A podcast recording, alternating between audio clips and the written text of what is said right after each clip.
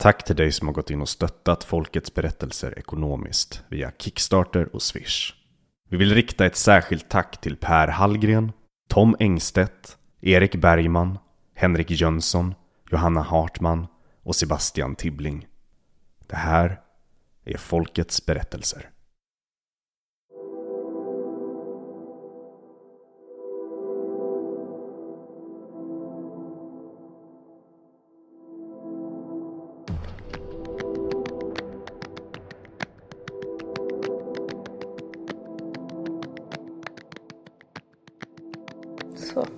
Det är bara att köra. När du Mm. känner dig redo spelar jag in. Yes, det gör jag. Mm.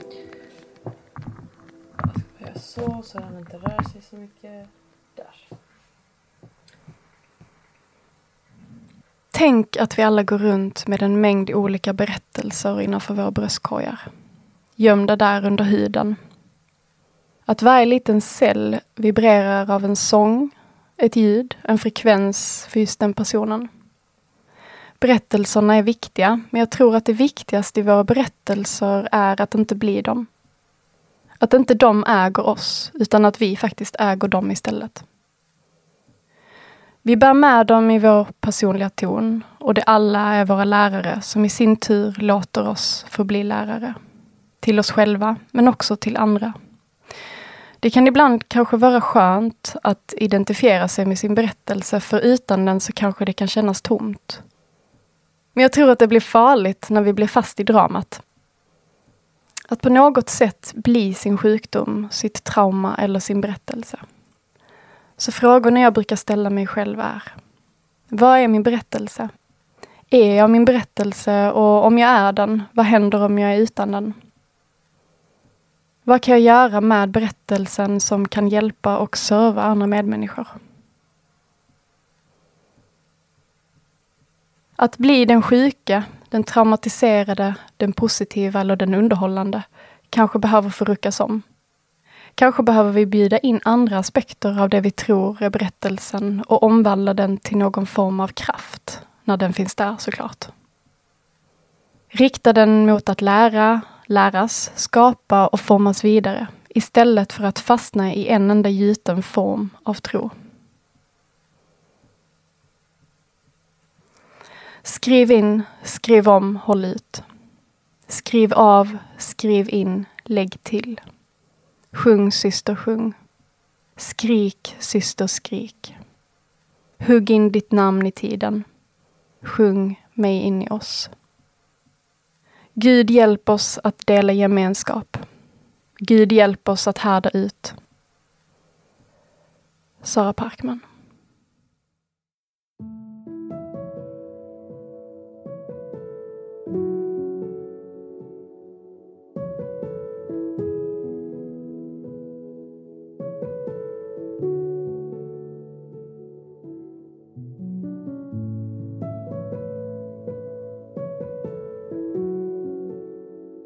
Sedan den dagen så har det funnits en stark röst inom mig. En röst som vill berätta och trösta. Men framför allt skapa något ur händelsen. Vad vet jag inte och kanske får jag heller aldrig svar. Jag vet bara att rösten är stark och nu får en del av den plats här. Jag är tvåbarnsmamma. Men mitt första barn fick aldrig ta ett andetag utanför min livmoder. Hon dog på den tryggaste plats en människa kan befinna sig på under en hel livstid. Ibland tröstas jag av tanken. Den 24 november 2021 föddes hon genom en kraft som jag aldrig kunnat ana fanns inom mig.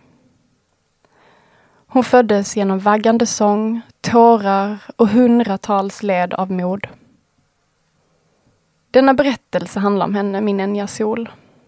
Den handlar om systerskap, om sorg, glädje och hur det också är att stå i mitten som både mamma och dotter och samtidigt förlora både min mamma och dotter. Det handlar om en fallande identitet genom ett förlorande av ett jag och att jag på nytt hittar tillbaka till grunden. Men den handlar framför allt om ljuset som alltid tränger igenom de mörkaste av moln. Själva förlossningen blev aldrig ett trauma. Självklart blev det långt ifrån det jag hade tänkt att den skulle vara. Utifrån att allt hade varit annorlunda. Jag hade planerat en hemförlossning i så ostörd miljö som möjligt. Precis innan jag blev gravid hade jag gått en doula-utbildning. Så jag visste vikten av ett ostört födande i en så trygg miljö som möjligt. Men trots att det blev något helt annat så känner jag värme, styrka och en våg av hoppfullhet när jag tänker tillbaka på förlossningen. Kanske för att på något sätt kunna hjälpa andra i liknande situation genom att inspirera och vara en guidande röst. Det går, trots att det känns omöjligt. Det kan till och med bli fint, trots att det känns omöjligt. Nej, även om en enorm smärta, både själsligt och kroppsligt, infann sig, så blev den fin, förlossningen med Enya.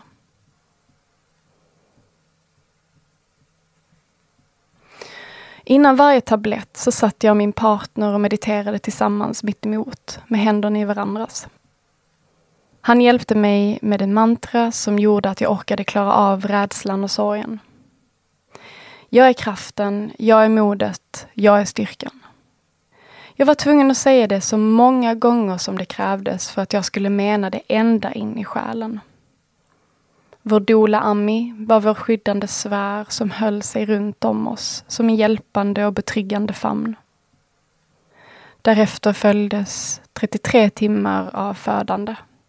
33 timmar av en passage till ett nytt liv och en ny erfarenhet få får uppleva. Att föda barn var mäktigt och en så helig upplevelse. Det var ju också där och då jag var i som mest kontakt med Enya. Där jag visste att jag skulle få träffa henne snart. Rädsla, oro och längtan. Allt i en enda mix av känslor som närvarade i rummet hon föddes i. Mitt i allt svarta så kunde vi till och med hitta humorn. Det kanske låter konstigt men det var som att allt blev mätt mättat av så mycket mörker att det enda vi kunde göra för att överleva i stunden var att försöka hitta en stund av leende och skratt. Att hitta humor mitt i det djupaste mörker tror jag är det mest läkande vi kan göra, hur svårt det än kan vara. Vi skrattade till interna skämt om Shakiras Hips Don't Lie i takt till mina höfter rörde sig genom alla vågor för att klara av smärtan. Vi skrattade åt att jag tjatade om en Coca-Cola som jag aldrig annars dricker, som jag så gärna ville ha. Men vi kunde inte hitta någonstans. Och när sköterskan skulle gå ner till en automat för att köpa en till mig så var den sönder. Så jag fick aldrig min Coca-Cola. Men ända in mellan krystverkarna kunde jag till och med här nämna min älskade Coca-Cola som jag fantiserade om så mycket. Ja, jag var ju ganska hög på lustgas. När mötet med vår dotter var nära så sjöng vi tillsammans mellan barkarna. Vi sjöng om vargen och barnet och Ronjas födelsesång som jag sjungit för Enya sedan hon var ett korn i min mage. Vi sjöng med pannorna mot varandras och mellan mörka urkraftsvrål. Känns det bra? Mm.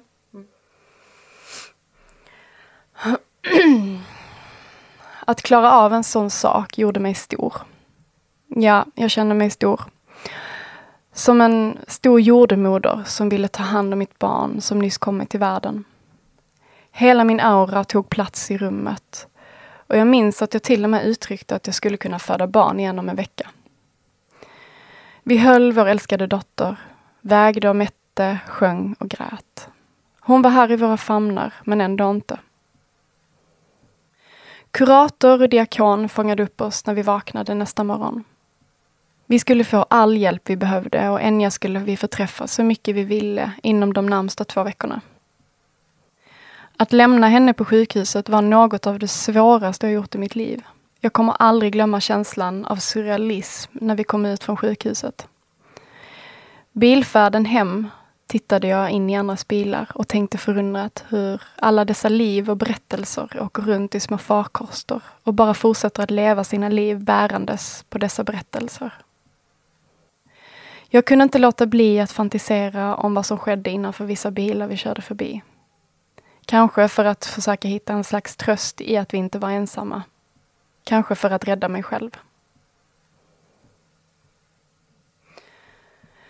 I många traditioner säger man att det tar 40 dagar att läka efter en förlossning. Under dessa dagarna ska man vila och endast bli serverad näringsrik mat och beröring för att främja hormonbalans och därmed också läkningsprocessen. Det finns ett talesätt som säger att de första 40 dagarna efter födseln kommer att påverka de kommande 40 åren av ens liv. Så beroende på hur du tar hand om dig själv, får stöd, äter näringsrik mat och skapar en lugn och trygg atmosfär utan stress, så kommer också måendet, balansen i kroppen, anknytningen och allt därtill påverkas. Medan man har sin bebis på bröstet och ger allt det den behöver, så ska man som mamma bli mammad. På engelska mothering the mother. På samma sätt som bebisen är ny, är ju mamman ny i sin roll. De behöver denna stund för att lära känna sina nya liv och sina nya jag. Jag hade ingen bebis, men jag var mamma. Så för mig var det viktigast av allt att få bli fångad i den bottenlösa sorg jag kände när vi satte våra fötter innanför dörren till vårt hus. Där på plats kändes det som att luften ur min storhet pös ut. Storheten jag hade känt på förlossningen. Jag krympte och kände mig kall av chock och saknad av mitt barn. Huset kändes annorlunda, doftade annorlunda och jag märkte att alla mina sinnen hade förändrats. Många runt omkring påminde mig om att jag var mamma. Jag var mamma och det kunde ingen ta ifrån mig. Och det jag nu ska berätta önskar jag alla kvinnor få uppleva efter det gått igenom det största i livet. Det jag fick bevittna under de följande dagarna var något jag nog har svårt att få fram i ord, men jag ska försöka. Min syster släppte allt i sitt liv i Wales för att komma hem till oss. Hon serverade oss varm mat, buljong och varma örtteer. När hon och mamma kom in innanför dörren första gången efter förlossningen höll hon mig på ett sätt som berättade att hon inte skulle lämna mig en sekund de kommande dagarna. Hon tittade mig i ögonen och sa Mira, jag ser din blick vad du går igenom.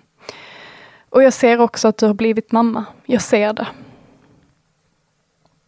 Hon satt med mig när jag duschade och hon hjälpte mig att tvätta min kropp med en tvättsvamp som hon hade tagit med sig. Jag ville vänta så länge jag kunde med att tvätta mitt hår, för det var det sista jag hade kvar av Enjas doft på min kropp. Jag var rädd att göra det, rädd att förlora ännu en del av henne. Men den sista dagen min syster var här så bestämde vi tillsammans att jag skulle göra det och jag skulle inte vara ensam i det. När jag schamponerade mitt hår så kände jag hur bitar av ett liv föll bort och ersattes med doften av rosmarin och pepparmynta. En illusion av en separation. För även om det kändes som att hennes doft var borttvättad så fanns en större del av henne kvar inom mig och runt om oss. Under fem dagar och nätter vakade min syster över oss och fångade när fallen blev outhärdliga och smärtan tog över. Ibland behövde jag röstens läkande kraft och att skrika av sorg hjälpte. På ett sätt kunde jag finna en slags vila i att hänge mig i sorgen. Det fanns inget annat än att kapitulera och åka med i vågorna som sköljde över mig. Och jag minns att jag tänkte, detta är också en förlossning. Något behöver komma ut ur mig. Om det så var tårar, skrik, suckar eller fysisk rörelse i form av vaggande eller skakande. Kroppen hjälpte mig att visa vägen och jag behövde lyssna. När min syster lämnade Sverige för att åka hem så lämnade hon också kvar en grund för oss att stå på. En strategi att ta sig fram genom stormarna som skulle komma. Hon gav oss ett segel, ett roder och en fyr. På kylen hängde hon upp recept på bra och njutbar postpartummat. Hon lämnade lådor av färdiglagad mat, daddel, chokladbollar och benbuljong i frysen. Innan hon åkte hjälpte hon oss med en lista på potentiella människor som skulle kunna hjälpa oss och vad var och en skulle kunna göra. Ungefär en vecka efter så satte jag och min partner oss ner tillsammans och skrev en lista med rubriken Ljusglimtar. Vi tog fram alla färgpennor vi hade och varje bokstav och varje punkt var en glad lysande färg. Listan var inte till för att släta över mörkret. Det var inte till för att glömma sorgen. Den fanns där för att påminna oss om små, små ting i vardagen som kunde hjälpa oss att överleva just där och då. En påminnelse om att allt i livet har nyanser och just där behövde vi små eldflugor att fånga när det var som mörkast.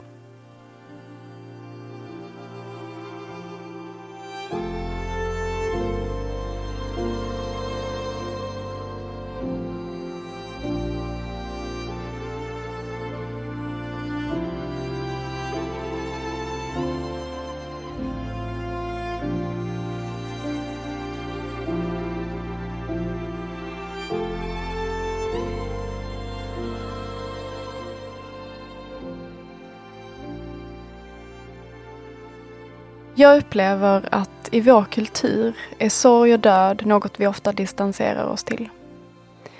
Vi vet sällan hur vi ska bemöta en människa i sorg för att vi låter rädslan över att göra fel styra oss. Men frågan är, kan vi göra fel? Personen som sörjer är ett öppet sår och behöver kontakt. Den behöver bli sedd och på vilket sätt vet bara gemene man under sin process. Men min övertygelse är att tystnaden är mer smärtsam än ett ord eller två. En sak som jag tror hjälpte mig otroligt mycket var att jag ganska snabbt berättade för närstående vänner och familj hur jag och vi ville bli bemötta i sorgen. Jag var tydlig med att jag ville att omgivningen inte skulle känna någon rädsla för att prata om vår dotter och inte vara rädda för att möta oss, om det så handlade om att träffa oss eller bara höra av sig. I vissa kulturer lämnar man aldrig den sörjande ensam. Man sitter med personen eller familjen i skift och håller om, gråter med och hjälper till med det praktiska. Det var också viktigt för mig att ha kvinnorna runt om mig. Framförallt de äldre. De som hade barn själva och de som också skapade en trygg och lugn atmosfär runt om oss. Som kunde vara med oss i tystnad och hålla oss när det brast utan att själva följa med i avgrundshålet. Dessa kvinnor fanns, men jag saknade speciellt en.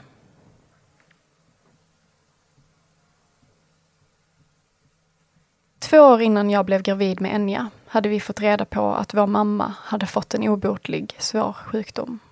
Pannlobsdemens. Talet var det första vi märkte det på.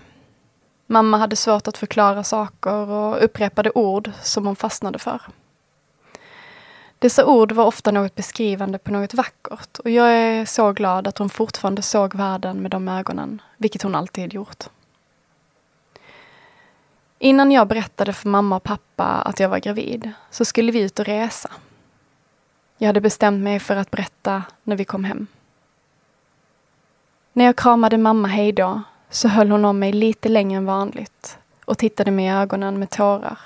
Hon grät sällan öppet och sa Jag känner dig så. Jag känner dig så starkt. Jag visste där och då att hon redan visste. Sådan var hon min mamma. Så kvinnorna fanns där, men mamma som alltid funnits där för mig hade blivit så pass mycket sämre att hon hade svårt att uttrycka sig i ord. Jag såg att hon förstod. Hon visste att Enya inte fanns längre. Hon sörjde också. Julafton tillbringades i vårt hus det året. Det var exakt en månad efter att Enya hade fötts. Mamma kom med ett julkort till Enya där hon skrivit hennes namn. Och jag tror att det är det sista jag såg henne skriva för han någonsin. Namnet på min dotter som inte levde. Hon gav ett paket med en stor kristall att ha på altaret, en Shiva-staty och andra vackra symboler som hon valt ut. Min syster sa till mig att Mira, ser du vad mamma vill säga dig? Hon säger att jag ser din storhet. Så utan ord, men så många ord samtidigt. Insikten slog mig ganska hårt efter en tid. Jag stod i mitten av två enorma förluster.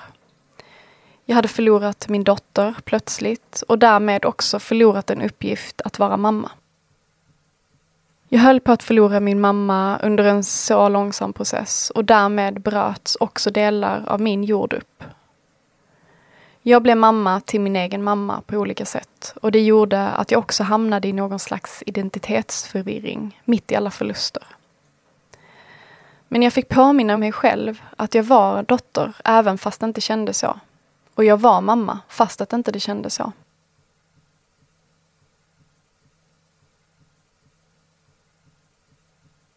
Enjas beräknade födelse var en dag som jag fasade inför, ganska snart efter förlossningen. Men inte bara den dagen, utan tiden efter också. Framförallt tiden efter. Bilderna jag hade föreställt mig med Enya var ju borta. Det skulle komma en tid då det jag hade trott skulle vara aldrig blev. På hennes beräknade dag hade kvinnorna i min närhet planerat en ceremoni. Vi samlades en eftermiddag i vårt hem. Tillsammans hedrade vi Enya och vilka gåvor hon kommit med och fortsätter att komma med. Vi hedrade hennes ringar på vattnet som lett till att många kvinnor vågat öppna sig om att de varit med om liknande händelse. Dessa kvinnor som burit på sin smärta och sorg i tystnad så många år, som nu fått plats att läka många sår tack vare att vår berättelse sprids genom vindarnas ljus.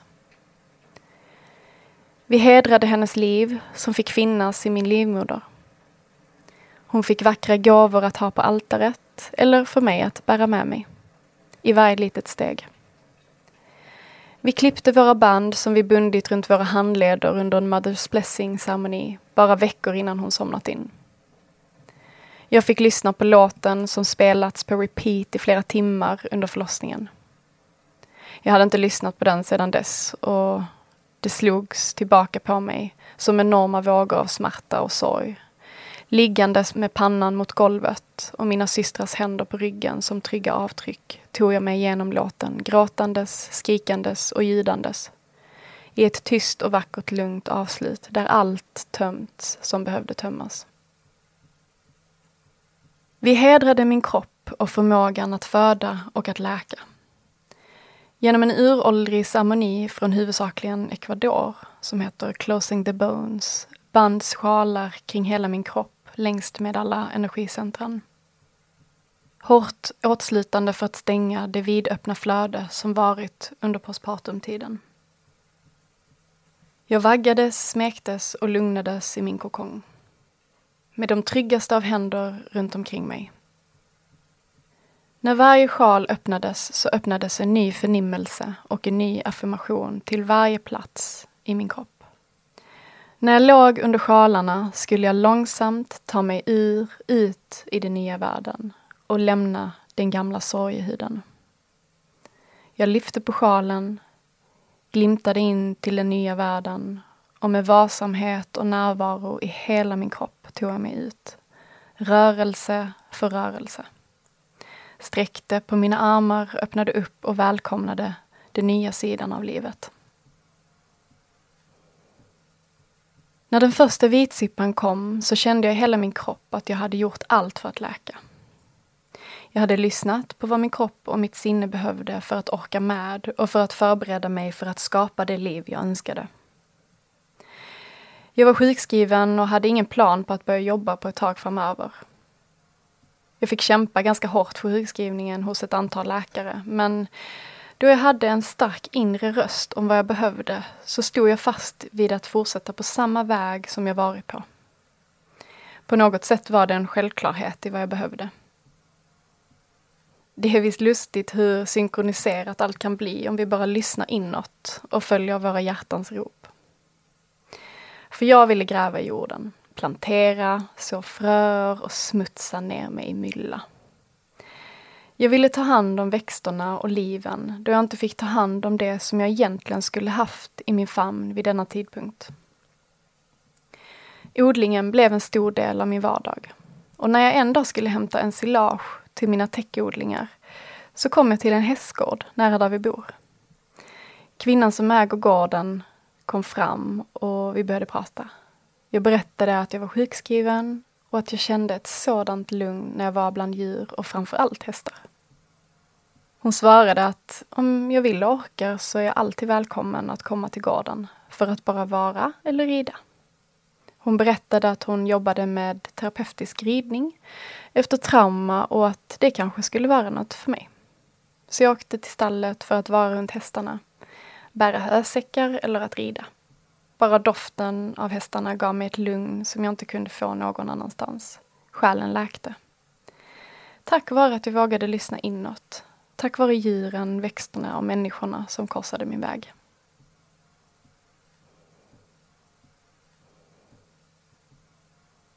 En vacker morgon i maj så satt jag ute i solen och hade startat timern på två minuter.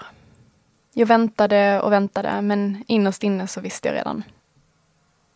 När jag vände på graviditetstestet så var det två självklara streck.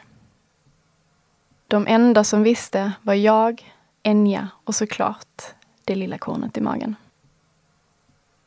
Längtan hade funnits ett tag, men rädslan var samtidigt stor. Att gå igenom en graviditet igen var något av det läskigaste jag kunde göra, men också den enda vägen att gå för mig. Jag valde att ta rädslan i handen och möta den. Bestämde mig för att ta en dag och en timme i taget den första tiden. Under många veckor satte jag mig ner vid Enjas altare varje kväll och sa Vi klarade en dag till. Det hela handlade om att släppa på kontroll och hänge sig i tillit. Det var en stor prövning men tack vare min strategi om att göra delmål genom hela resan så hjälpte det mig i stunden. Jag skrev en lista på delmål, bli gravid, se ett tickande hjärta på första ultraljudet, gå igenom rutinultraljudet, känna sparkar och att känna att allt är på riktigt. Att klara av ett delmål var en vinst i sig. Utdrag ur min dagbok. 29 juli 2022. Så mycket som har hänt. Var ska jag börja? Först och främst. Den 22 juni var vi på det första ultraljudet. På plats lämnade jag kroppen, avstängd och rädd. Senast jag hade en ultraljudspuck mot magen låg min dotter död där inne i vecka 31. På radion i väntrummet spelades Per Gessles Jag går och fiskar och jag fantiserade om att jag skulle gå och fiska vid en stilla sjö istället för att gå in i ett mörkt rum och kanske få reda på ett tufft besked.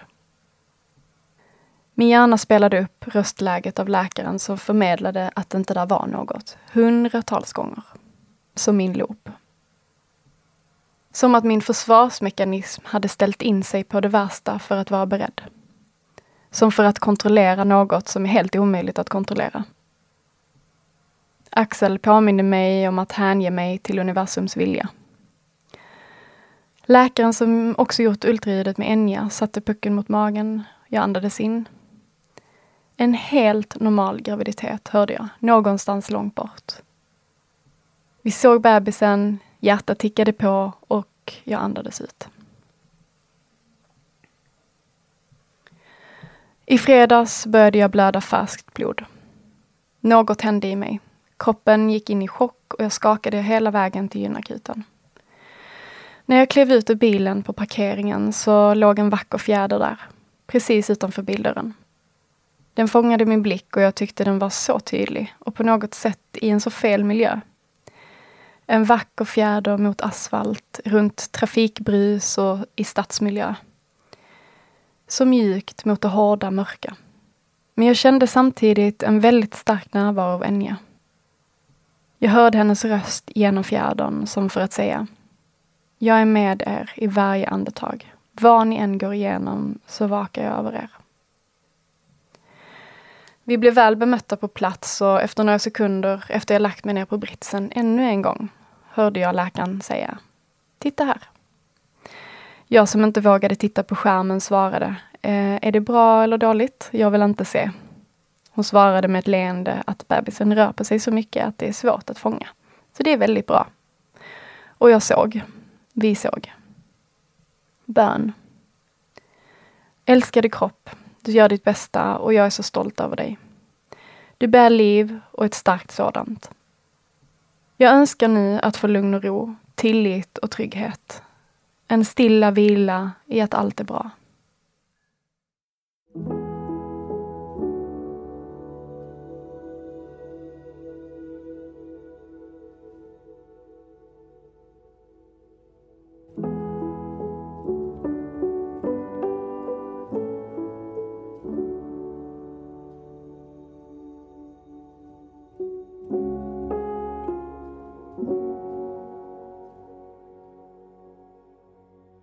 Jag märkte att jag hade svårt att göra samma saker som jag gjorde med Enya i magen.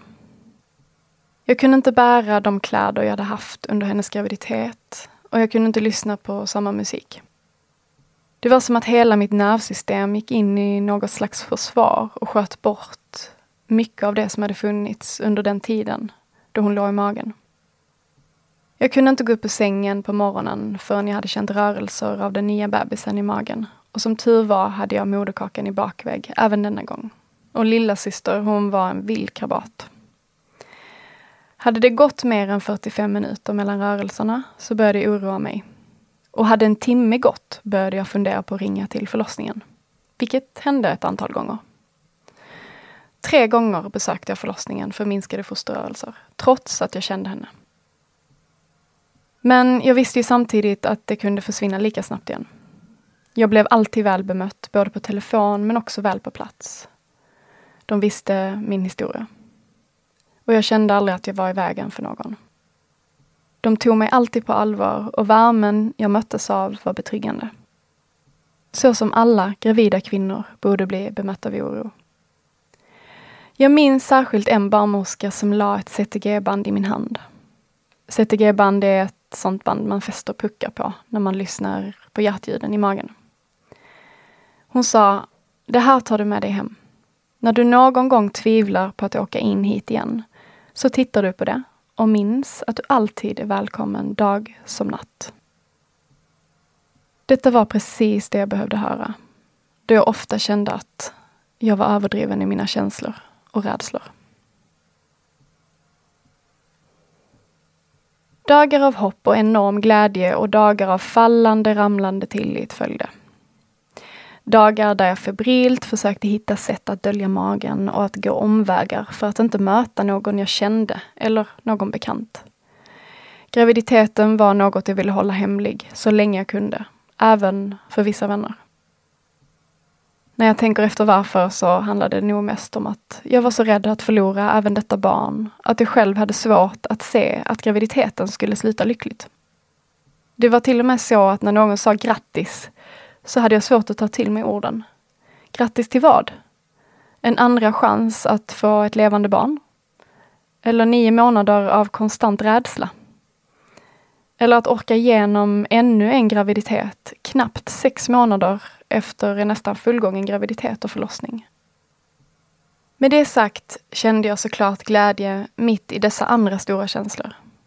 Och min kropp klarade ju det. 617 dagar.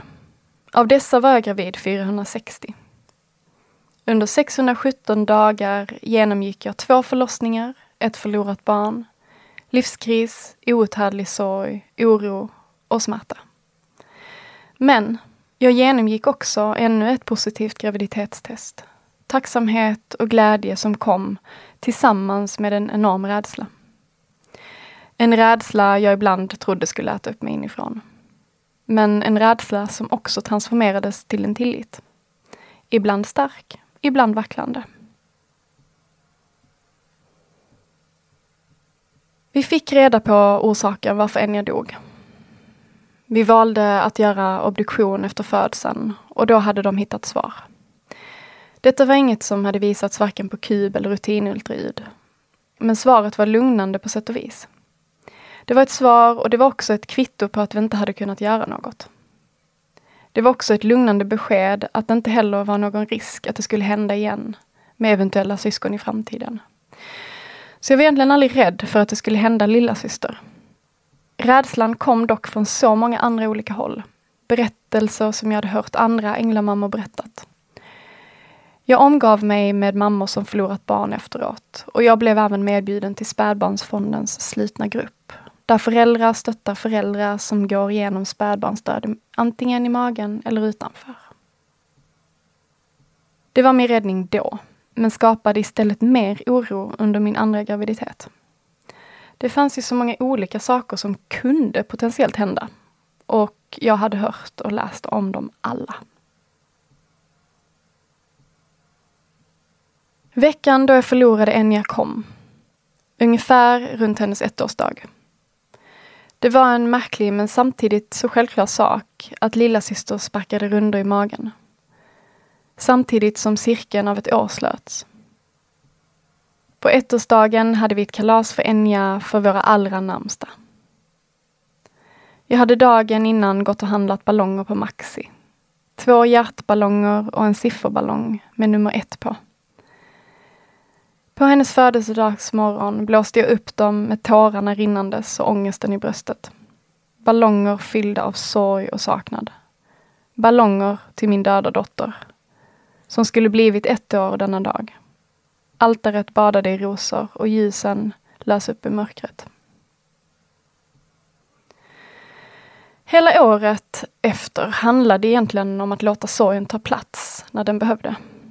Vi stressade aldrig fram en gravplats eller en begravning. Vi tog allt i vår takt. Det viktigaste för oss var att hylla, slita cirklar och välkomna det nya livet som väntade. Och vi hade fortfarande inte sett ut någon gravplats på kyrkogården. Men det var hög tid för att göra det nu. Vi fick en sista plats på den lunden som kändes vackrast. Där solen lyste som starkast. Den 30 november 2022 satte jag mig i bilen och körde till krematoriet. Min svärmor mötte mig på parkeringen och tillsammans hämtade vi upp Enjas urna. En urna som var handgjord med kärlek från en väldigt fin människa som erbjudit att göra den. Den var vit och locket var format som en sol som sträckte ut sina vackra strålar. Vi hade graverat in hennes namn, Enja Sol, barn av stjärna. 16 december vaknade vi till den vackraste dagen den vintern. Precis som när hon dog. Det var en klarblå himmel, luften var krispig och det var åtta minusgrader.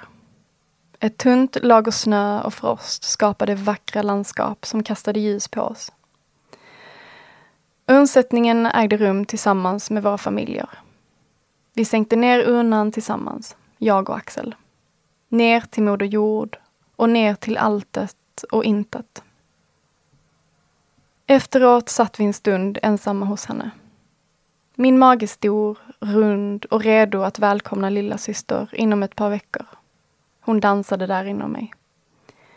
Och jag minns att jag tänkte att livet kan nog inte kännas så mörkt och ljust samtidigt som det gör just i detta nu. Allt det hela kändes så stort på samma gång. Vår första dotters urna som vi sänkt ner i jorden. Den nya bebisen i magen som sparkade och mamma som liksom hade gått in i en ny fas i sin sjukdom. Ju mer det närmade sig förlossningsdatumet, desto mer började jag tro. Jag förväntade mig att jag skulle bli mer och mer orolig med tiden, men faktum är att jag faktiskt blev mer och mer lugn för varje dag som gick. Jag hade det absolut kämpigt fysiskt med smärtor och dålig sömn, men lugnet infann sig i grunden. Min tanke om att bli igångsatt försvann och jag tog en dag i taget. Jag ville få min revanschförlossning, även om inte det blev hemma denna gången heller. Och jag visste att om jag skulle få en så fysiologisk förlossning som möjligt på sjukhus så behövde jag förbereda mig mentalt och fysiskt. Denna gången hade jag bestämt att min syster skulle vara med. Jag hade bestämt att hon skulle hinna. Och hon kom. En vecka innan beräknad födsel. Hennes tro om att hon skulle möta mig som stressad, orolig och rädd ändrade sig så fort hon såg mig. Hon uttryckte sin förvåning av hur lugn jag kändes och jag minns så väl hennes ord som sa Det är så underbart att vara runt dig. Du utstrålar ett sånt fantastiskt lugn. Vi fick hjälp med matlagning och hon servade oss som bara hon kan.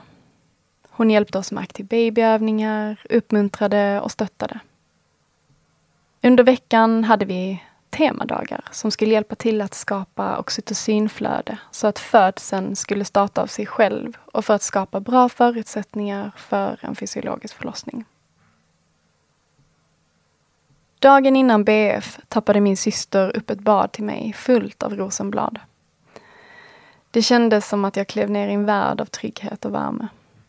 Jag var redo för bebisen att komma. Jag hummade ner henne i mitt bäcken och kände hur vi fick kontakt. Vi sa alla till magen att ni bebisen, nu är du välkommen till oss här på utsidan. Vi skrattade, åt god mat och var i skogen och gick en lång promenad. Telefonen var avstängd sedan ett par dagar tillbaka då jag hade gått in i min bubbla. Där var jag med de två tryggaste personerna i mitt liv. Halv fyra på morgonen startade verkarna. Direkt och regelbundet. Det var något magiskt att bara jag visste. Det kändes som att hela världen sov. Jag hade bestämt sedan innan att jag skulle ha något att pyssla med när verkarna började. Så jag gick in i badrummet och började färga mina ögonbryn.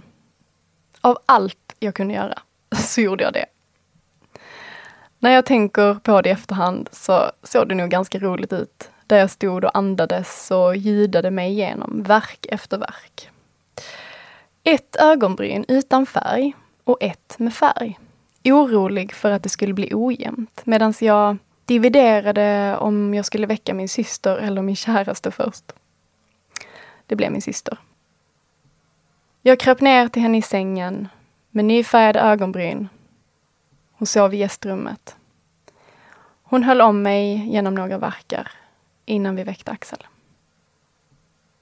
När hon gick in till Axel i sovrummet så satte jag mig vid Enjas altare och tog några verkar där. Tillsammans med henne. Jag packade varsamt ner hennes och lillasysters stenar som legat bredvid varandra sedan jag plussat. Jag badade, såklart i rosenblad igen. Hon matade mig med mjuka, söta päron och såg till att jag fick i mig kokosvatten. Progressen fortskred på ett fantastiskt sätt och ganska snart så kände vi att det började närma sig tiden för att bege oss till förlossningen. Bilfärden var tuff, men jag stannade i min bubbla och gjorde de rörelser som behövdes för att ta mig igenom vågorna. När min partner parkerade bilen hjälpte min syster mig in. Vi tog verkar tillsammans hela promenaden till förlossningsavdelningen. Jag hängde på henne, tung, och hon höll mig. Vi var i vår alldeles egna värld. Medan allt och alla runt omkring var i ett annat universum. Vi fick rummet mitt emot det som Enya föddes i. Som ett annat parallellt universum. Tänk om någon berättat då för mig att i rummet här mitt emot kommer du att föda Enjas lilla syster om lite mer än ett år. Ha tillit. Barnmorskan som mötte oss hade koll på min journal och visste vad vi varit igenom. Hon bad om att göra en vaginal undersökning, men jag sa direkt nej. Har du läst mitt förlossningsbrev? undrade jag i mitt töcken av oxytocin och pendlande mellan labourland och verklighet. Jag kände i hela mitt väsen att allt var precis som det skulle. Verkarna kom väldigt tätt och var fint regelbundna. Bebisen rörde på sig väldigt aktivt och jag kände att hennes vilja och kraft var stor. I mitt förlossningsbrev var jag tydlig med vad jag behövde och vad jag inte önskade. Ingen vaginal undersökning då det uppenbarligen stör födandet. Jag ville lita på att min kropp visste och att jag i så fall skulle be om det om jag så ville ha det. Jag ville såklart att de skulle lyssna på hjärtljuden. Jag var tydlig med att jag inte ville ha någon medicinsk smärtlindring om jag så inte bad om det. Önskan var att föda ostört på rummet med nedsläckt belysning och så lite spring och prat som möjligt. Mina önskningar blev respekterade och lyssnade på. Under de fyra timmarna jag födde på förlossningen skapade vi tillsammans en helig plats. Eller mest var det ju såklart min syster och min partner som skapade under tiden de turades om att stötta och vara med mig i vågorna som sköljde över mig. Vi gjorde ett altare med affirmationer, elljus, stenarna och symbolerna som betydde mycket. Vi lyssnade på musik som spelades från listan jag skapat bara någon dag innan. Låtarna varvades mellan djupt meditativa vågor till José González och när vi behövde bryta mönstret lite och skratta så dansade vi till Hips Don't Lie såklart. Denna gången var jag inte hög på lustgas. Nej, denna gången var jag hög på mitt alldeles egna kroppsliga oxytocin. Jag fick min drömförlossning. Smärtan var där på ett sätt som var kraftfullt och läkande. Jag mötte den. Och jag hittade fantastiska sätt att klara mig igenom den, till och med genom en slags njutning. Det låter kanske konstigt, men jag var aldrig rädd. Min partner stöttade, peppade och höll mig i en sådan tillit och styrka. Min syster fick vara min dola och med sin enorma expertis, inkännande förmåga och kärleksfulla handtag fanns hon där på ett sätt jag aldrig kunnat drömma om. Den 23 januari 2023 klockan 12.55 föddes hon in i mina armar. En fullt levande bebis på 4,2 kilo. Jag förstod det först när jag hörde henne skrika. Det kändes som att mina axlar föll 10 centimeter, att mitt andetag blev djupare och att månader av anspänning och oro transformerades till en lättnad, glädje och en känsla av overklighet. Som att någon hade tryckt på en snabbspolningsknapp från dagen då vi fått reda på att Enya inte levde, till denna stund. Samtidigt som att tiden hade känts som en evighet hade allt gått så snabbt. Att få lämna förlossningen denna gången med vår dotter i vår famn var en oslagbar känsla. Vi gjorde det. Vi gjorde fan det.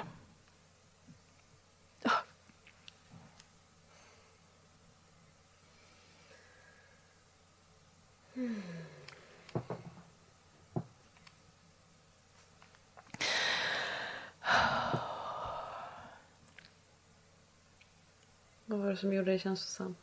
Jag fick tillbaka bilderna. Mm. När jag går in i hissen och hon har sin lila ulloverall på sig och hon är så ynklig men ändå så kraftfull. Och så går vi in i hissen och så jag bara tänker på att sist jag var i den här hissen, när vi lämnade förlossningen, så hade jag inte med min bebis. Mm. Enya. Mm. Så det var hela den promenaden ner till, till parkeringen var en sån jävla vinst. Och det var återigen det här med parallella världar. Att jag fick göra om det. Och det är det också den här eh, texten, skriv in, skriv om. Eh, Mm. Den, den berör mig så mycket för att det är som att jag skriver om men det är fortfarande en berättelse som finns kvar. Så en revansch, typ. Liksom. Mm.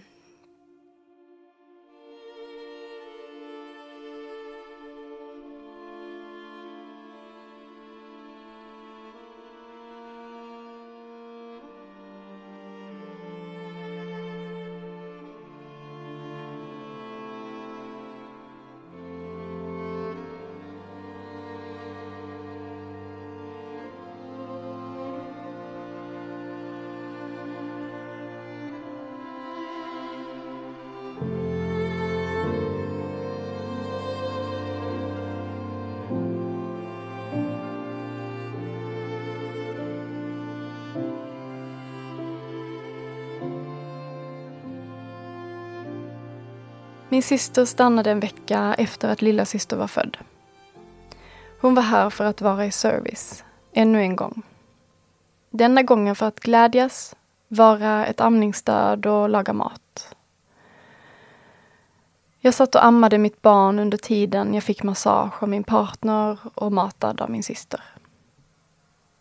Jag ser tillbaka på det och det var verkligen som att hon var vår före-födsel-doula förlossningsdola och postpartumdola. Allt på samma gång. Innan, under och efter. Jag kunde inte önska mig en bättre förberedelse, födsel eller tidig postpartum. En vacker dag i juli firade vi hennes ankomst till denna värld. Vilja Iris. Hennes namn ekade genom skogens alla träd och många känslosamma tårar och skratt blev det. Vi valde en plats som är helig för oss. Samma jord, träd och mark som vi hade Enjas minnesceremoni på. En annan tid, ett annat andetag, en annan blick. Då i februari 2022. Nu i juli 2023. Kontraster och sammanflätningar. Avslut, början. Vi samlade våra närmsta för att hylla henne. På den magiska platsen där ån slingrar sig genom dalgången, längst med den heliga roten och till kyrkogården där Anja ligger. Ett osynligt band. Vi sjöng En värld full av liv och textpartiet där de sjunger Men så lite som vi kan förstå och den sol som gick ner någon annanstans ger ett gryningsljus att förlita sig på var svår att öva in utan att brista i tårar. Glädjen över att mamma kunde vara med i ceremonin var överväldigande. Hon fann sig där och för en stund kändes det som att hon var frisk igen. Mamma hade sedan ett par månader tillbaka kommit in på ett demensboende. 65 år gammal. Mamma med de alltid så vackra kläderna. Med det så långa, magiska håret som kunde göra vem som helst avundsjuk. Med den finaste av själar och den mjukaste av famn. Hon som lärt mig så mycket och varit min bästa vän och stöttepelare. Den mest generösa och omtänksamma människa jag mött. Och jag är inte ensam om den känslan. Att lite mindre än två år innan ha fått lämna kvar min första dotter på förlossningen och bårhuset. Och sedan nu lämna min mamma, min mittpunkt och min jord på ett demensboende var överväldigande tungt. De två värsta sakerna jag gjort i mitt liv. Jag och min syster höll upp hela vägen till utgången och när väl dörrarna stängts bröt vi ihop och föll tillsammans. Jag önskade att jag kunde säga att mamma finns där. Jag önskade att jag kunde säga att hon kan säga det hon vill säga eller förstå allt jag säger. Jag önskade att hon kunde få ett annat avslut på det liv hon levt så fullt ut. Jag önskade att jag kunde säga att det är okej okay och att det är så här livet är. Men denna sjukdomen känns allt annat än okej. Okay. Jag önskade att mina barn hade fått träffa henne under en annan tid då ord fanns och då blicken hos henne var klarare. Fast vem vet? Kanske ser hon klarare än oss alla andra. Ibland sköljer gråten och sorgen över mig. Sorg som etsat sig fast i märgen för händelser de senaste fyra åren. Jag gråter också av tacksamhet för att vår vilja är hos oss nu. När hon ler mot mig så försvinner allt annat. Hon påminner mig om ljusen som slocknade under dessa år. Hon är ljuset och hon hjälper oss att också hitta våra egna. Gråten är läkande. Den renar och den lugnar. Vissa dagar är den utanpå mig, andra dagar långt in eller långt bort. Men oftast kommer den när det är tyst omkring. När utrymmet för tårarna finns. Jag återkommer ofta till betydelsen av ordet tålamod. Modet att tåla varandet. Jag älskar det lika mycket som jag utmanas av det. För jag märker stor skillnad efter det som varit och det som är genom att det är svårare för mig att tåla varandet i vissa stunder. Nervsystemet är liksom på sin spets, ofta. Men genom att jag är medveten om det gör jag mycket för att återreglera det till en sund plats. Att leva efter trauman som uppstått skakar om, förflyttar, bryter ner och bygger upp. Transformerar, kort sagt. Och det är under en lång tid. Det är först nu, när den största delen av stormen har lagt sig, som det också kan slå mig som hårdast. Framför allt när jag ställer för höga krav på mig själv. Att bli mamma igen är en enorm resa och kraven jag har på mig själv kanske behöver lättas från axlarna lite oftare. Livet lär oss och vi lever så länge vi lär. Men också så länge vi vill utforska vad som finns där bakom oss själva och vad vi kan stärka för att bli bättre människor, föräldrar, vänner, systrar, brödrar, partners, döttrar och söner. Trots stora sår i själen. Vi lever så länge vi lär. Och vi är lärare till varandra. Genom trauma och genom sorg. Genom glädje och genom kärlek.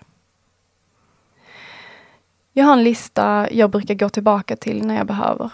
Den heter I svåra tider och är en slags guide och påminnelse om hur jag kan navigera när jag känner att jag tappat bort mig själv lite. I svåra tider så jorda. Se perspektivet större. Vårda själen. När logik inte räcker till, gå till andlighet. Hitta min gemenskap och be om stöd. Ta hand om egot som ett litet barn.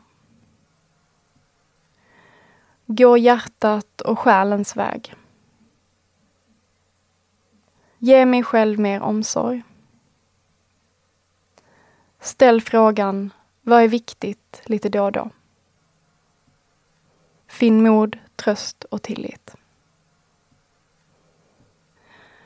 Denna listan önskar jag finns där för dig som behöver den, när helst du behöver den. Det är den första oktober 2023. Och jag vaknar av min dotter som sitter i sängen och skrattar mot mig. Hon är nu åtta månader. Dagarna är fartfyllda med lek och bys och nätterna, mm, de är ju som de är för en åtta månaders bebis. Mitt i allt ni så finns vi. Utan Enya hade Vilja aldrig funnits. Hon gav oss lilla syster. Hon gav oss så många lärdomar och gör fortfarande. Hon har givit oss så mycket mer än bara sorg och saknad. Hon har gett oss den otroliga insikten om att vi har modet och kraften inom oss. Hon hjälper oss att välja livet och glädjen varje dag. Men att också låta det som behöver ta plats få ta plats. Hon är runt omkring varje dag i olika former. Runt halsen har jag mitt halsband med hennes namn ingraverat. När Vilja var ett par dagar gammal och ammade i min famn sträckte hon sig efter det med sin lilla knubbiga hand och krokade fast sitt finger i halsbandet. Stora syster, lilla syster. Under dessa år har jag fått möta och leva genom så många versioner av mitt egna väsen. Och fler väntar självklart. Jag har fötts in i nya kroppar, in i nya liv och hudar. Skiften som gör att den hud jag bara för ett år sedan nu också är borta. För livet handlar ju inte bara om att födas en gång. Eller att dö en gång. Vi vandrar genom händelser och lärdomar där vår hud ömsas och låter oss gå in i något nytt. När jag föddes, föddes även mina föräldrar till mamma och pappa. Och min syster föddes till stora syster. Tänk vad fint. Det gör ibland ont att lämna av sig sina gamla kläder. Men det är samtidigt så vackert att få följa med på resan av böljande vågor som rör sig konstant. Det är ju trots allt livet. Jag vill ge en hyllning till mitt tempel och min kropp. Tack kroppen för att du orkade. Orkade bära två barn så tätt intill. Orkade att föda våra två barn. Orkade gå igenom eldar som ibland slog omkull mig och fortfarande gör. Orkade att hålla upp och hålla ut väntan, oron och den fruktansvärda rädslan som slog mig då och då. Tack kroppen för att du också hade tillit mitt i all oro. För att du välkomnade lilla syster så snabbt och för att du läkte så fint då och nu. Tack för att du har varit ett tryggt hem, en varm filt och ett pulserande livgivande bo. Tack för att du visade mig så tydligt vad du behövde genom att berätta för mig så jag kunde lyssna. Tack min kropp. Tack för att du hjälper mig att lyssna in på vad läkning betyder på djupet. Tack för urkraften. Tack för modet. Och tack för styrkan du bär. Vi klarade det tillsammans. Vi klarar det tillsammans.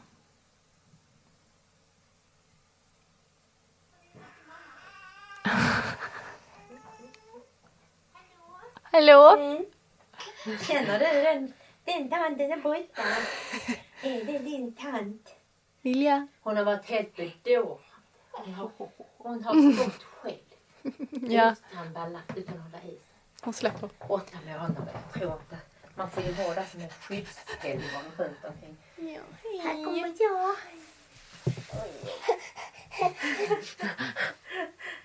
Ja.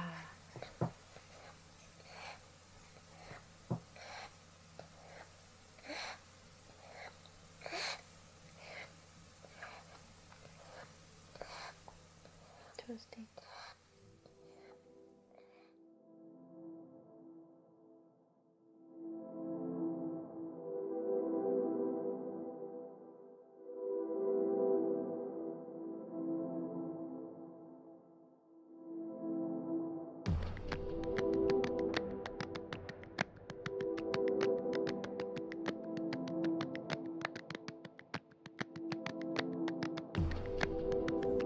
Mira, du har ju berättat en hel del liksom om, om sorgen du har fått uppleva och alla rädslor eh, med allt du har gått igenom under dessa år.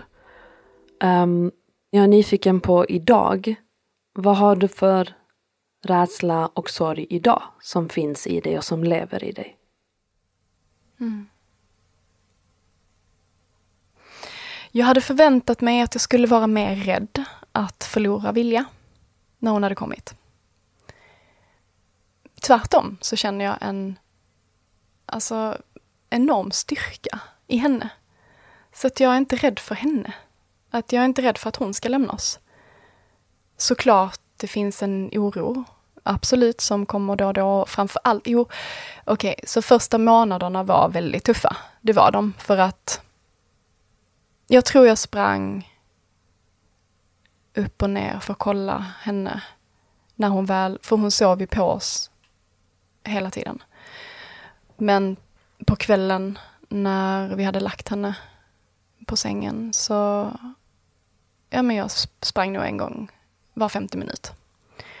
Och där blev ju Axel ganska irriterad på mig för att, ja, han tyckte det var kanske lite till överdrift. Men jag tänker att det är också ganska vanligt att mammor gör så. Inte bara mammor som har förlorat barn. Um, sen skaffade vi en babymonitor med kamera, vilket var en lite annan känsla, för då kunde man ju se henne. Och se henne andas liksom. Men jag kan säga att jag, alltså röster har ju spelats upp i mitt huvud väldigt mycket. Uh, om jag till exempel stod i duschen och liksom, jag visste att Axel hade koll på henne, att jag plötsligt skulle höra honom säga hon andas inte. Så jag hade mycket sånt i början och hörde hur det kunde låta. Och det var otroligt påfrestande.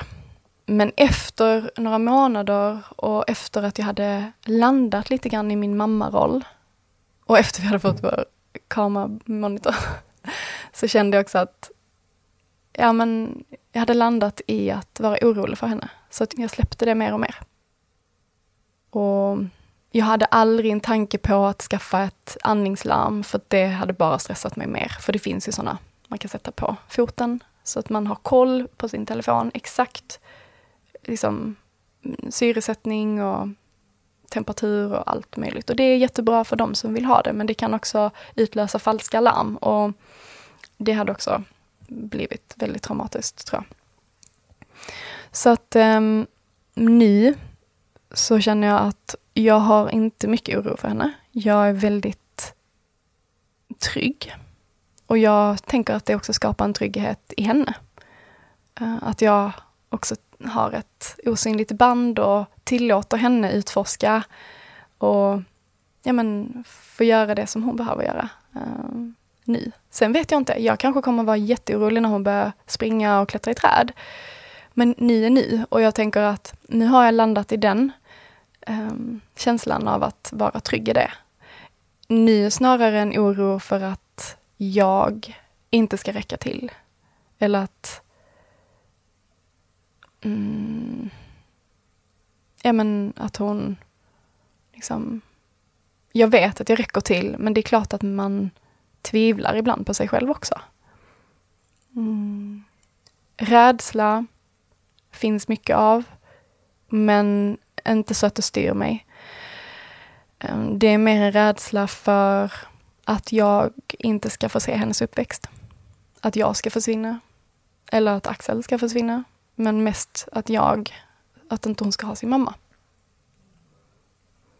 Mm. Det är nog den rädslan som lever i mig mest just nu.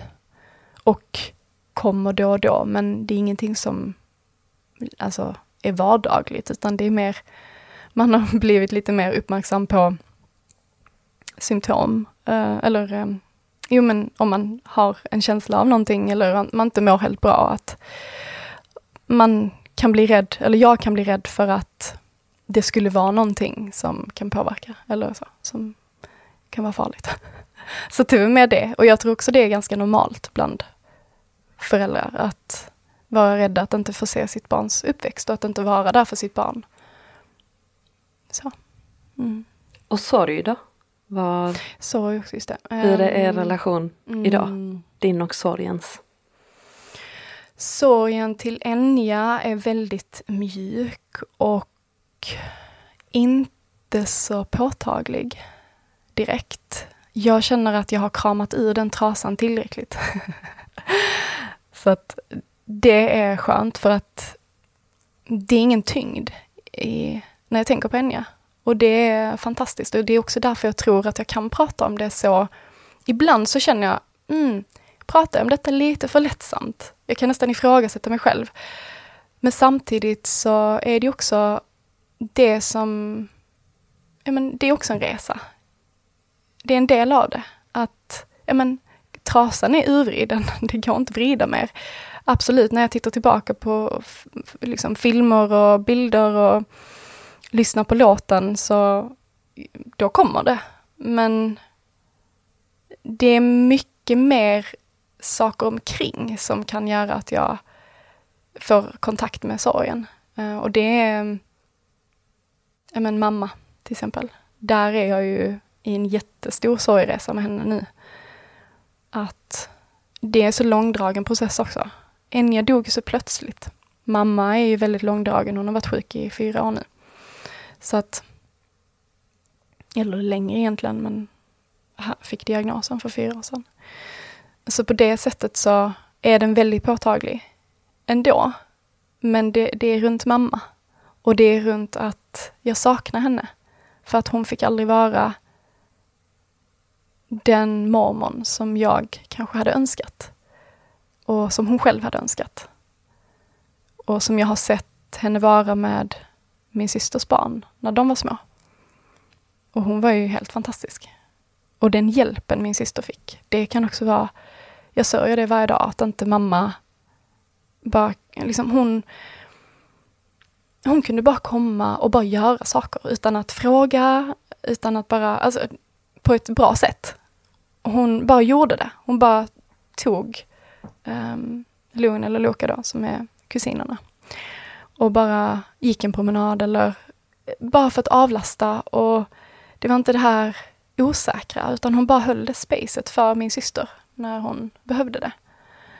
Och bara gick in och väckte tvätt och fixade massa saker som liksom en mamma.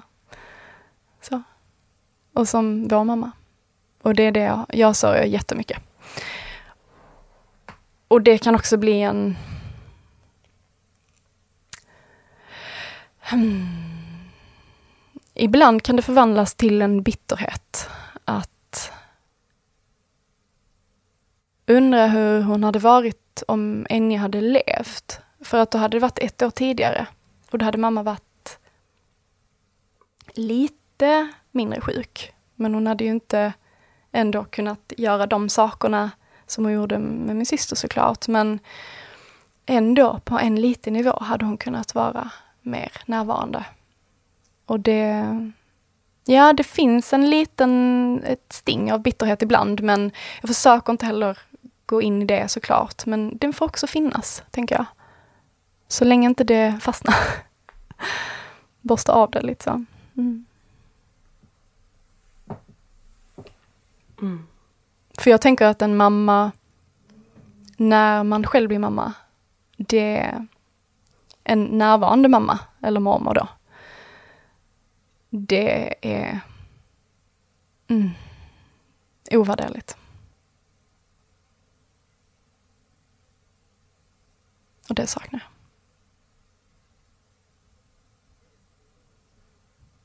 jag. Din eh, roll som dotter Eh, och din mamma.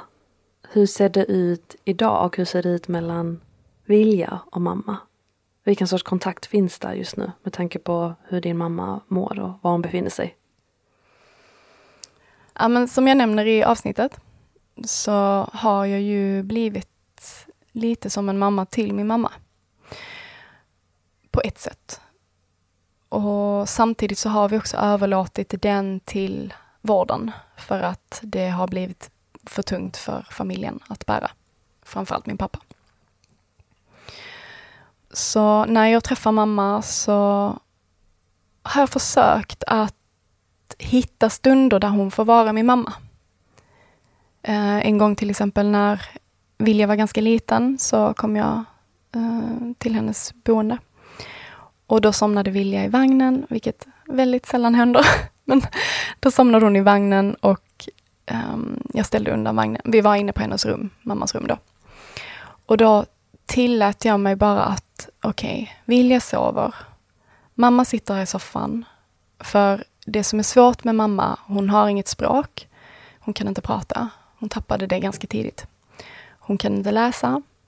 Hon har svårt att göra saker överlag. Så att ja, hon sitter mest och det är väldigt sorgligt. Mm. Så, men då tillät jag mig att eh, sätta mig i soffan bredvid henne och bara lägga mig i hennes knä. Och lite för en stund så, så kändes det som att mamma var mamma igen. För jag kände, hennes värme är fortfarande kvar, hennes energi av omhändertagande är fortfarande kvar. Även om inte hon tar sin hand och stryker på mitt huvud så känner jag ju min mamma där. Liksom.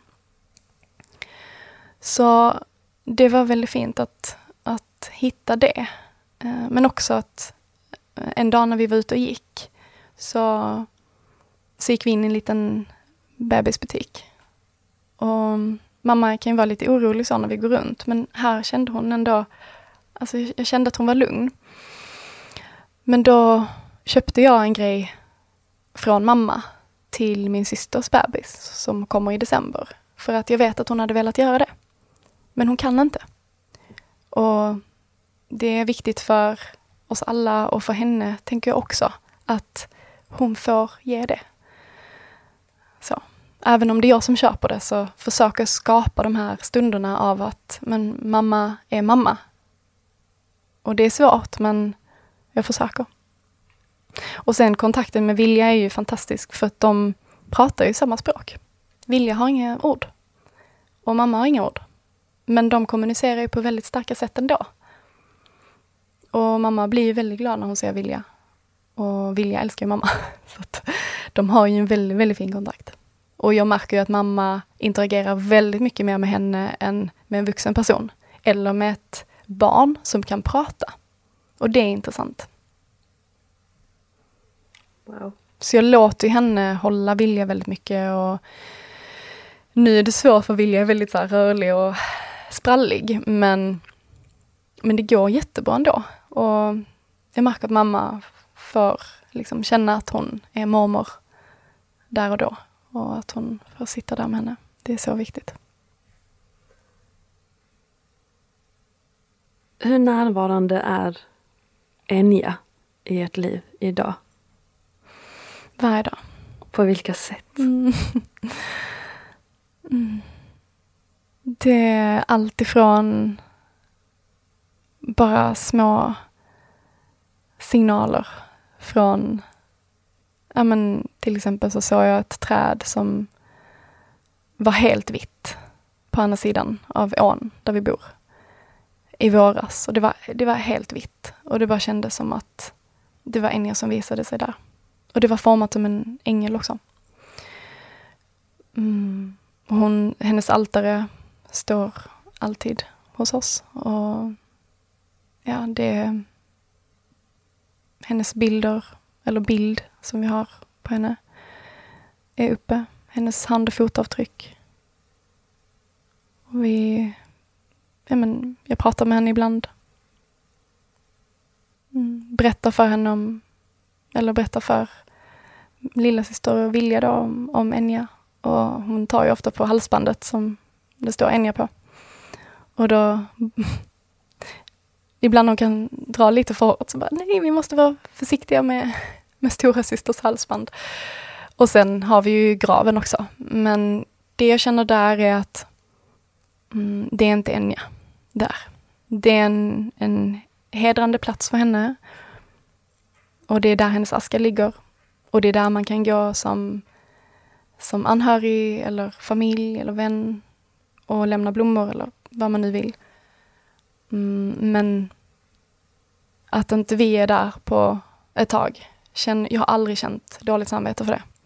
Och det är skönt, för det tror jag också är väldigt vanligt. Att man har en slags, ja men, ett ansvar eller man känner att man måste göra fint vid graven eller fixa och sådär. Och absolut, det är, det är såklart man vill att det ska vara fint. Men jag har aldrig känt att, att liksom ett samvete har legat över mig att det ska vara det. För att Enya är så, i så mycket annat än den graven.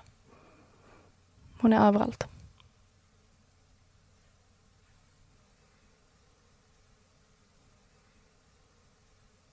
Jag tänker att Enya kom och gick för att hjälpa andra. Det, det är den meningen jag ser med det.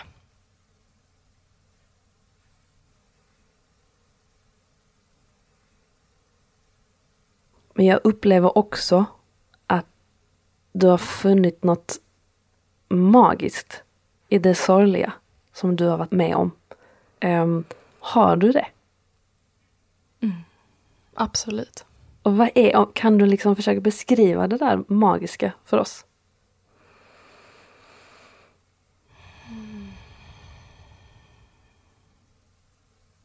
Alltså, jag tror att alla människor som går igenom riktigt, riktigt stort mörker och sorg och förluster. De går igenom en slags eld.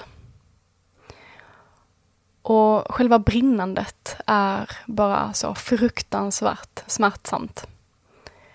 Men när det slutar brinna och man ser, eller man, man känner att man står där i ask. Jag, jag har en bild framför mig och det är när Daenerys i um, Game of Thrones, uh, den här scenen när hon, alltså när hon sitter kvar i askan.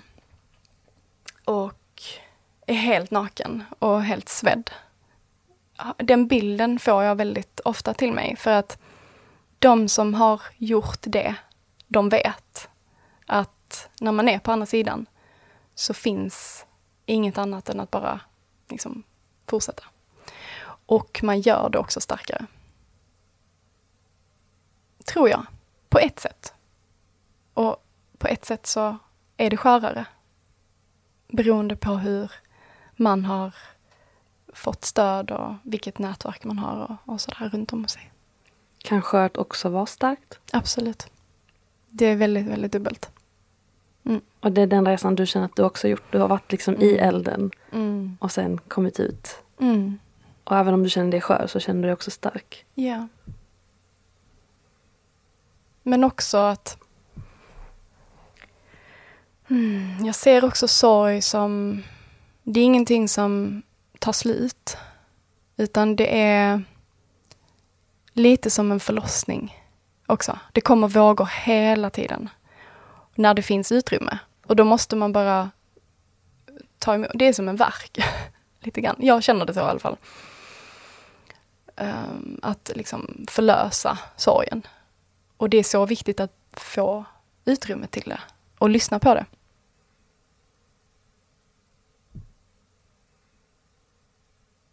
Jag har en text som jag skrev mm, på tal om elden. Att gå igenom eldar. Och denna skrev jag 16 juli 2022. Så det var ungefär, ja men lite mer än ett halvår efter.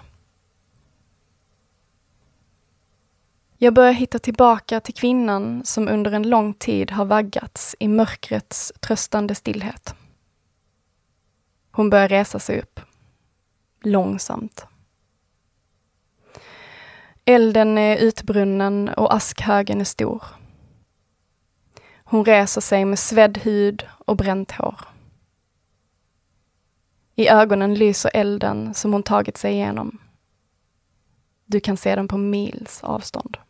Glöden som skriker smärta, död, liv och kraft. Hon står där, på högen av aska. Rakryggad, svedd och naken. Men hon står. Kanske stadigare än någonsin.